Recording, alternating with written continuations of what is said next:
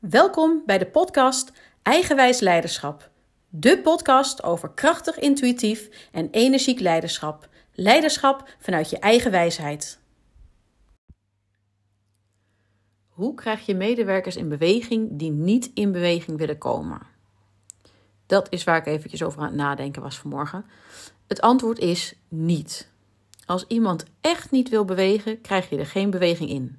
Wanneer er niet mini minuscuul iets is wat hem of haar triggert om in beweging te komen, kan je lullen wat je wil, trekken, leuren, al je energie erin stoppen, maar de medewerker zal geen millimeter bewegen. Het vergt gewoon geduld. Heel veel geduld. En wat je te doen hebt, is ervoor te zorgen uh, dat die medewerker wel die trigger gaat voelen. Dat je de medewerker eigenlijk bewust onbekwaam maakt op een bepaald vlak. Dat je laat zien hoe en wanneer degene een probleem heeft of waar kansen liggen, wanneer hij of zij iets ontwikkelt. Dat je enige vorm van zelfreflectie probeert te ontwikkelen bij de medewerker.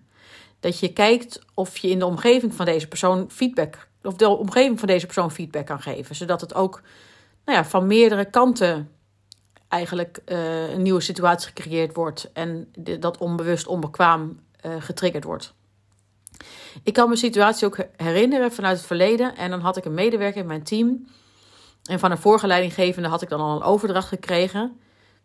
Soms overigens, als ik vertel hoe je als manager over mensen praat en hoe je de mensen bespreekt vanuit potentie en wie je ziet dat stagneert, dan vinden mensen dat wel eens bijzonder. Want je kan toch niet zo over mensen praten, dat krijg ik dan terug.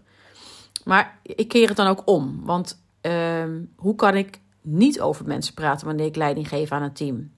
Je weet, voelt en ziet toch wie er goed functioneren en wie er zichtbaar zijn. Wie veel omzet halen en wie dat allemaal niet doen. Je weet in wie je heel veel energie moet pompen en bij wie het allemaal vanzelf gaat. Dat is geen hogere wiskunde. En dat je dat met andere leidinggevenden binnen een organisatie bespreekt, vind ik zelf ook niet meer dan logisch. Je wilt namelijk ook niet dat de ene leidinggevende eh, iets als heel goed beoordeelt, waar de ander zijn of haar twijfels bij heeft. Je wil als management één lijn volgen. Zoveel mogelijk uiteraard, want ook leidinggevenden blijven natuurlijk mensen. Het blijft allemaal, het blijft gewoon mensenwerk. Maar je wil voorkomen dat doordat een bepaalde manager iemand heel leuk vindt, dat die dan uh, nou ja, naar een bepaalde schaal stijgt of wat dan ook. Terwijl de anderen die potentie niet zien. Je wil daar gewoon met elkaar over kunnen sparren. Dus uh, praten over medewerkers als leidinggevende onderling is voor mij dus inderdaad heel logisch. Uh, om ook dus inderdaad jouw visie op een persoon te toetsen aan de ander. Zie jij wat ik zie of heb ik ergens een blinde vlek? Mis ik iets? Waar zitten de kwaliteiten van de persoon? Um, en waar zitten zijn of haar verbeterpunten? Hoe zien we de toekomst van deze medewerker binnen het bedrijf, binnen de huidige context? Want wanneer je dus concludeert dat een medewerker stagneert in het werk wat hij of zij doet, dan is het belangrijk dat kenmerk te maken bij de persoon. Daar het gesprek over aan te gaan. Maar het lastige is dus wanneer de persoon in kwestie het totaal niet herkent en dus ook niet erkent. Wanneer de persoon in kwestie het probleem totaal niet ziet. Dat vergt van jou als leidinggevende dus echt geduld um, en doorzettingsvermogen. Ik kan me dus een situatie ook herinneren dat ik als leidinggevende met een medewerker in gesprek was en de persoon wel zag dat zijn ontwikkeling en de ontwikkeling van het bedrijf, of in ieder geval de vakgroep, uiteenliepen. Maar de persoon die weet het volledig aan de organisatie. Uh, de organisatie die had ervoor gezorgd dat hij niet mee kon gaan. En het was de schuld van de organisatie dat het niet meer matchte. En ik vind overigens de schuldvraag altijd een lastige. Want uiteindelijk, uh, nou ja, dat geldt natuurlijk in alle situaties, maar waar twee vechten hebben twee schuld. Um, en ik kon met deze medewerker ook echt wel afpellen waar de ontwikkeling uit elkaar was gaan lopen. Ik kon ook duiden dat er verschillende trainingen, ook echt langdurige trainingen, waren geïnvesteerd door de organisatie. Ik kon middels situatieschetsen uitleggen wat maakte dat de toekomst binnen het bedrijf niet reëel was. Maar dan nog is het aan de medewerker om dit te erkennen. En om het ook soms gewoon te willen zien. Um, en in dit geval heeft het echt veel tijd gekost. En nou, toen was hij het er uiteindelijk nog niet mee eens. En toch is het ook wel mijn visie dat juist door de potentie van de persoon te zien, en dat heb ik ook wel eens eerder in een podcast genoemd, de potentie in de persoon te zien, de kwaliteiten van de persoon te zien, maar dat kan het nog steeds zijn dat het niet meer matcht met de organisatie. En dat de persoon dus ergens anders veel beter tot zijn recht komt.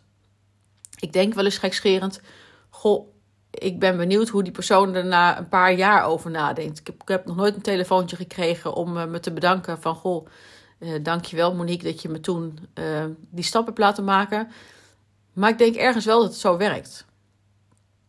Nou, een ander voorbeeld was ook een medewerker die ehm, zichzelf in bepaalde posities en rollen zag, waarvan ik dacht: hè, hoe kan je jezelf dat nou zien doen? En bepaalde taken binnen de functie, dat kon ik nog wel zien. In dit geval ging het over de rol van projectleider. En um, ik zag de, de, rol, de persoon zag ik wel uh, planningen bijhouden uh, en de financiën doen. Uh, de persoon was gewoon sterk op de structuur. Maar wanneer het ging om het aansturen van een team vanuit die projectleidersrol, dan zag ik dat veel minder. Laat staan het motiveren en het enthousiasmeren van medewerkers, van collega's. Dat, dat zat er gewoon niet in. En sommige dingen, uiteraard, die zijn te ontwikkelen. Maar het gaat ook over het erkennen van de kwaliteiten die je wel hebt. En dus ook wat je niet hebt. Over zelfreflectie. En deze medewerker die zag het niet. En ik zie mezelf samen met HR nog zitten in de verschillende gesprekken. Het was gewoon alsof we langs elkaar heen praten. Op totaal verschillende levels. En constant zoekende naar hoe je uh, de communicatie zo kan inrichten, zo kan met elkaar kan praten. Wanneer die levels zo verschillen, zo verschillen om dan elkaar toch te bereiken. Om zo dicht mogelijk langs elkaar heen eigenlijk te communiceren. En soms is het dan uiteindelijk beter om de structuur van dingen dan te veranderen. Om de context om iemand heen te veranderen. De gesprekken even te laten voor wat ze zijn. En kijken wat dan de verandering in de context doet. En de gesprekken wellicht op een ander moment weer, uh, weer op te pakken, op een later moment. Dat gaat ook over mensen in beweging zetten. Ik zie ook wel managers, leidinggevenden om me heen, die dan gaan drukken, zeg maar, als, ze, als ze de medewerker niet ziet wat zij zien. Die hun visie, hun mening, ook hun oordeel uh, ongeveer door de medewerker heen gaan drukken. Dat is in mijn inzien ook het verschil tussen gelijk hebben en gelijk krijgen. Het kan echt rete frustrerend zijn. Maar iets er doorheen drukken vanuit macht is naar mijn idee nooit de beste methode. Je kan in dat moment wellicht wel iets bereiken. Je hebt je brandje geblust, maar het doet de medewerker meestal geen goed. Daarbij is het ook niet zo dat iemand niets goed doet en het geen goed persoon is. Je wil de persoon vaak alleen een kant op bewegen die passend is bij het bedrijf. En wat, wat jij als leidinggevende passend zou vinden bij de medewerker. En het is daarom ook slimmer, denk ik altijd, om te benoemen waar de persoon wel goed is, in is. En waar je ziet dat de persoon misschien minder goed in is. En waarom dat betekent dat er iets moet veranderen. Maar goed, ik zei het al, weet je, het, blijft gewoon mensenwerk. En het blijft soms een uitdaging. En het kan ontzettend veel energie kosten. En veel meer tijd dan je van tevoren bedacht had. Mensen in beweging zetten in een richting die jij als leidinggevende ziet. Vanuit de beste bedoelingen. Um, en een medewerker die dat gewoon niet ziet, is echt gewoon verdomde lastig. En zoals ik deze podcast ook begon, weet je, wanneer een medewerker echt geen noodzaak ziet om te bewegen, om te veranderen, dan krijg je de persoon niet zomaar in beweging. Dan zal je dus echt de urgentie moeten creëren.